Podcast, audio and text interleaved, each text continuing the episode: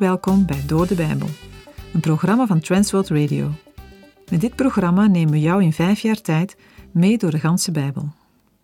Ik ben blij dat u weer luistert. Vandaag in uitzending 553 verdiepen we ons verder in het Bijbelboek Job. In de inleiding die Patrick de vorige keer gaf op dit boek, werd duidelijk dat Job in de Bijbel gezien wordt als een historisch persoon. Hij wordt door de profeet Ezekiel geciteerd en later halen ook de Heer Jezus, Paulus en Jacobus teksten uit Job aan. Hoewel het niet met zekerheid te zeggen is wanneer Job geleefd heeft, lijkt het erop dat zijn leven zich al in de vroege geschiedenis voor Mozes heeft afgespeeld. Job is een veelzijdig boek, zowel qua stijl als inhoudelijk. Het is een boek om in zijn geheel te bekijken. Wie bijvoorbeeld alleen maar oog heeft voor het geduld van Job en zijn aanvaarding van het lijden, leert Job niet kennen. Dat geeft ook een eenzijdig beeld van het lijden. De worstelingen van Job zijn onbegrip, zijn vragen horen er allemaal bij. Het is kenmerkend voor Job dat hij met al zijn vragen en waaroms steeds de Heere God opzoekt. Zelfs al vindt hij geen antwoorden, Job blijft roepen naar God. Zijn vrienden, die zo heel godsdienstig lijken en zo vroom kunnen praten, verschillen daarin van Job. Zij spreken vooral over God in plaats van met God. Dat is een duidelijk verschil. Job vindt uiteindelijk vrede met God. Niet op het moment dat God al zijn vragen beantwoord heeft. Dat gebeurt zelfs niet eens. Als Job al zijn klachten bij God heeft neergelegd, neemt God zelf het woord. Hij wijst Job op zijn almacht, zijn grootsheid in de schepping. Job krijgt geen verantwoording voor het lijden of een bevestiging van zijn onschuld. Job ontmoet God en dat verandert alles. God laat hem zien dat hij niet te begrijpen is door mensen, maar wel te vertrouwen.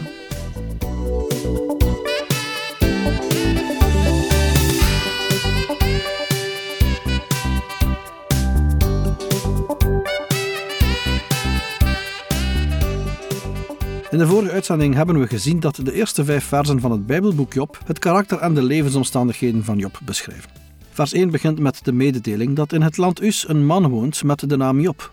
Hij wordt omschreven als oprecht en vroom. In versen 2 en 3 wordt een omschrijving gegeven van de rijkdommen die Job heeft verworven. De beschrijving lijkt op die van de aartsvaders in Genesis. Ze wijzen op het feit dat Job een zeer rijk man is. Met de beschrijving van de zeer rijke Job wordt ook een verband gelegd met zijn oprechtheid en vroomheid. Job wordt rijk gezegend. Bestudering van de Bijbel leert ons dat vooral in het Oude Testament de Heere zijn normen stelt die zegen met zich meebrengen, maar dat ongehoorzaamheid straf en vervloeking opleveren. De kern van deze zaak is in de hele Bijbel terug te vinden, maar het is ook waar dat de sterk aards gekleurde zegen en vloek in het Nieuwe Testament een ander gedaante krijgen. In het Nieuwe Testament is het lijden om Christus wil en daarmee verdrukt worden door een vijand een erezaak geworden. Wij moeten vandaag oppassen dat het lijden dat wij hier doormaken niet uitsluitend negatief wordt gezien. De Heere wil voor zijn kinderen alles laten meewerken ten goede, voor hun bestwil, want hij heeft een plan met hen. Omdat in het Nieuwe Testament het leven na de dood een veel grotere plaats inneemt dan in het Oude Testament, komen veel zaken in een ander perspectief te staan. Het Nieuwe Testament verscherpt in zekere zin zegen en vloek.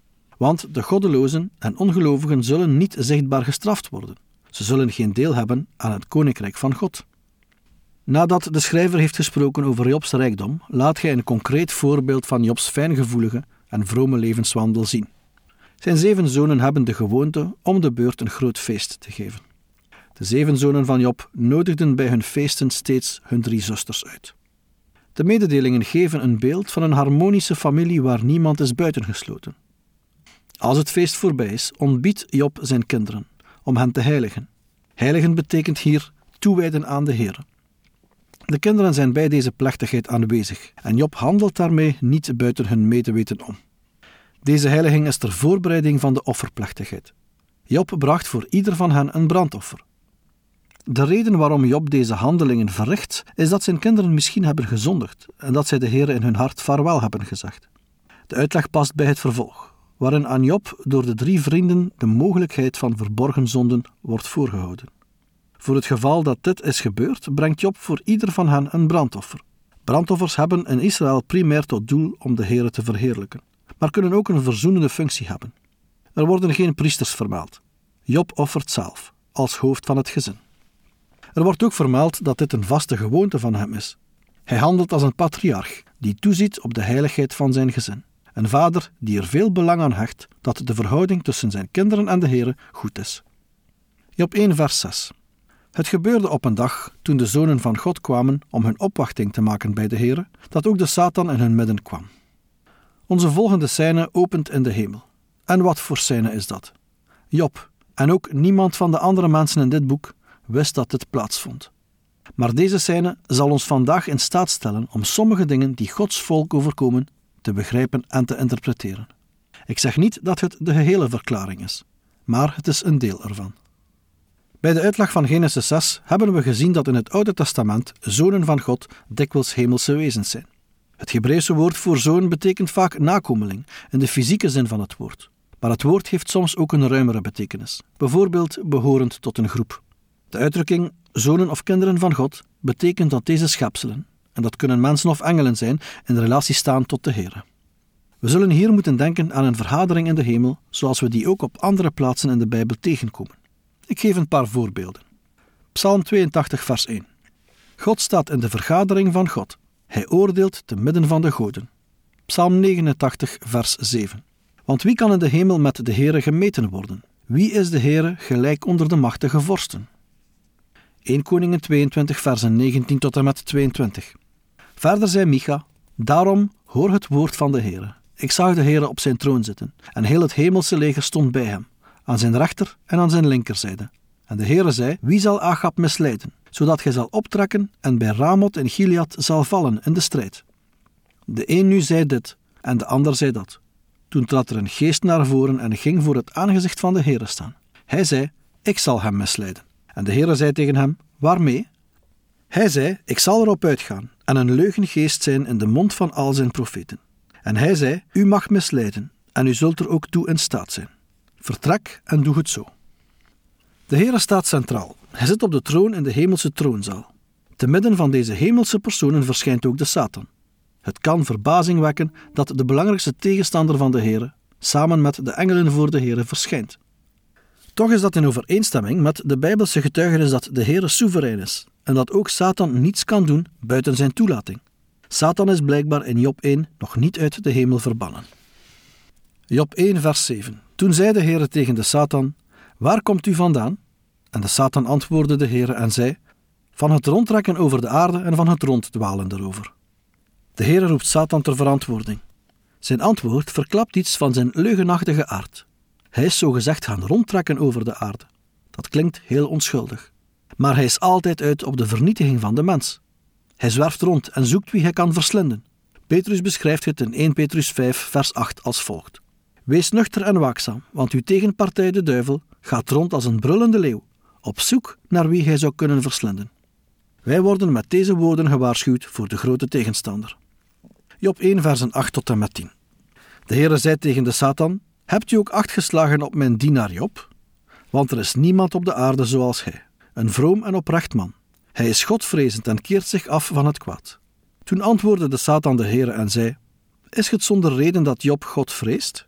Hebt u niet voor hem en voor zijn huis en alles wat hij heeft een beschutting gemaakt? Het werk van zijn handen hebt u gezegend, en zijn vee breidt zich steeds verder uit in het land. Kennelijk heeft Satan geprobeerd om bij Job erdoor te komen, en ontdekte dat hij niet tot hem door kon dringen, omdat er een beschutting om hem heen stond.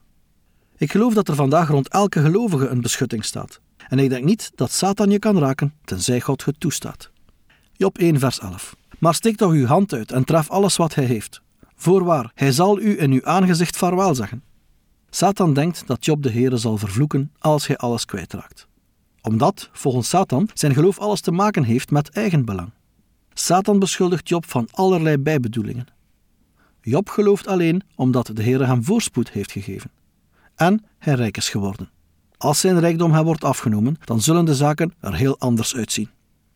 Job 1 vers 12 De Heere zei tegen de Satan, Zie, alles wat hij heeft is in uw hand. Alleen naar hemzelf mag u uw hand niet uitsteken. En de Satan ging weg van het aangezicht van de Heere. De Heere geeft de Satan toestemming om Job te treffen in alles wat hij bezit. Er is wel een voorbehoud. Raak hem met geen vinger aan.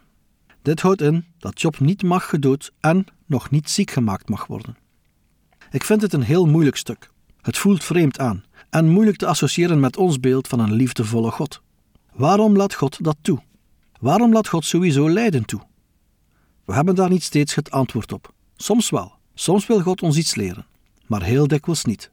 Het meeste verdriet en pijn valt mijns inziens te verklaren in het feit dat we in een gevallen wereld leven, die tijdelijk in handen is van de duivel. Maar het verhaal van Job zal ons leren dat indien we voldoende kennis van God hebben, we geen antwoord nodig hebben. Wacht maar tot het einde. Job 1, versen 13 tot en met 15. Er was nu een dag toen zijn zonen en zijn dochters aten en wijn dronken in het huis van hun broer, de eerstgeborene, dat er een bode bij Job kwam en zei: De runderen waren aan het ploegen en de ezelinnen naast hen aan het weiden. Toen deden Sabeërs een inval en namen ze mee, en ze sloegen de knechten met de scherpte van het zwaard. En ik ben maar als enige ontkomen om het u te vertellen. Nu volgt de eerste aanval van de duivel, en wat zien we? Hij valt niet zelf aan. Nee, hij gebruikt een volk, de Sabeërs. De duivel valt heel zelden aan in eigen persoon. Hij zal anderen gebruiken. Hij zal anderen tegen ons opzetten. Hij zal roddel laten rondgaan. Hij zal ervoor zorgen dat mensen elkaar verkeerd begrijpen. Trouwens, ook in de Hof van Eden gebruikte hij de gedaante van een slang. Zijn tactiek werkt al eeuwen. Hij heeft dus ook geen reden om die aan te passen. Job 1, vers 16. Terwijl deze nog sprak, kwam er een ander en zei: Het vuur van God viel neer uit de hemel en ontbrandde tegen de schapen en de knechten, en verteerde ze. En ik ben maar als enige ontkomen om het u te vertellen.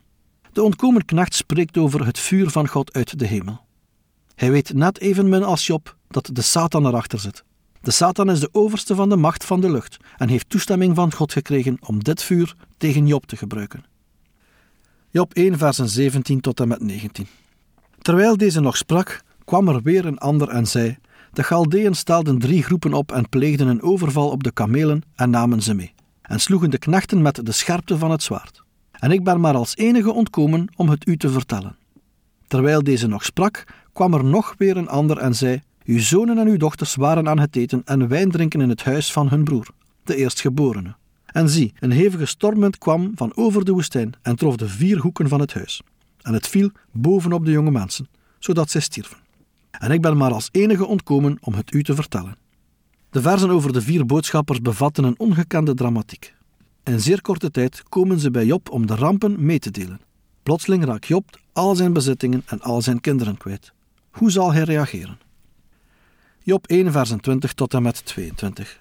Toen stond Job op en scheurde zijn bovenkleed, schoor zijn hoofd, viel op de aarde en boog zich neer. En hij zei: Naakt ben ik uit de buik van mijn moeder gekomen, en naakt zal ik daarheen terugkeren. De Heere heeft gegeven en de Heere heeft genomen. De naam van de Heere zij geloofd. In dit alles zondigde Job niet en schreef hij God niets ongerijmds toe.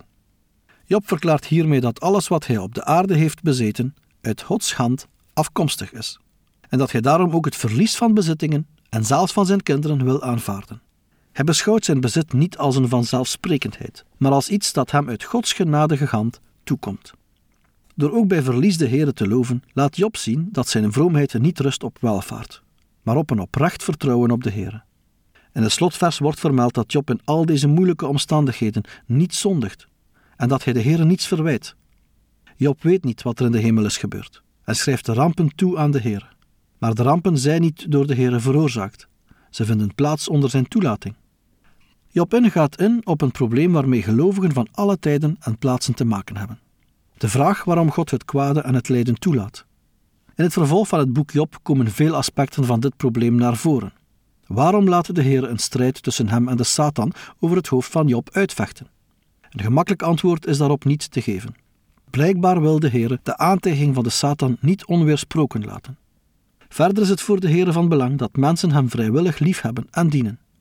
Dat blijkt al in Genesis 2, waar Adam en Eva een keuzemogelijkheid krijgen.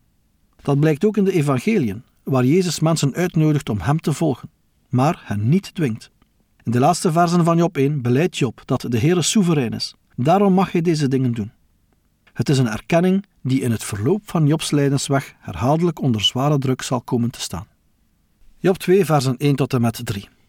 Opnieuw was er een dag, toen de zonen van God kwamen om hun opwachting te maken bij de Heere, dat ook de Satan in hun midden kwam om zijn opwachting te maken bij de Heere. Toen zei de Heere tegen de Satan, Waar komt u vandaan?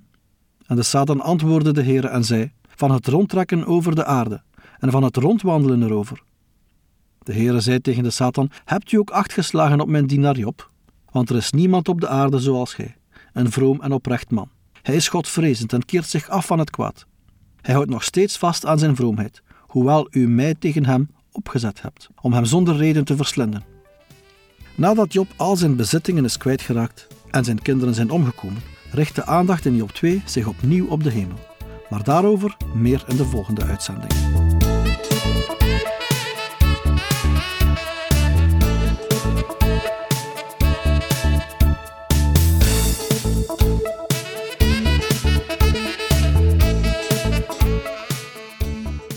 U heeft geluisterd naar Door de Bijbel, een programma waarin we in vijf jaar tijd de ganse Bijbel bespreken. De basis voor het programma is de Bijbelstudiereeks van Dr. Vernon McGee, Through the Bible. Deze werd in het Vlaams vertaald en bewerkt door Transworld Radio. U kan elke werkdag naar een nieuwe uitzending luisteren en u kan ook steeds voorbije uitzendingen opnieuw beluisteren of downloaden. Als u wilt reageren op deze uitzending of u heeft vragen, dan kunt u uiteraard contact met ons opnemen. U kan een e-mail sturen naar doordebijbel.twr.be. Verder kan u op onze site terecht, www.twr.be, voor meer info en het beluisteren van onze overige programma's. Dit programma werd gepresenteerd door Patrick Couchement en Anne Notenboom. Wij danken u voor het luisteren en graag tot een volgende keer.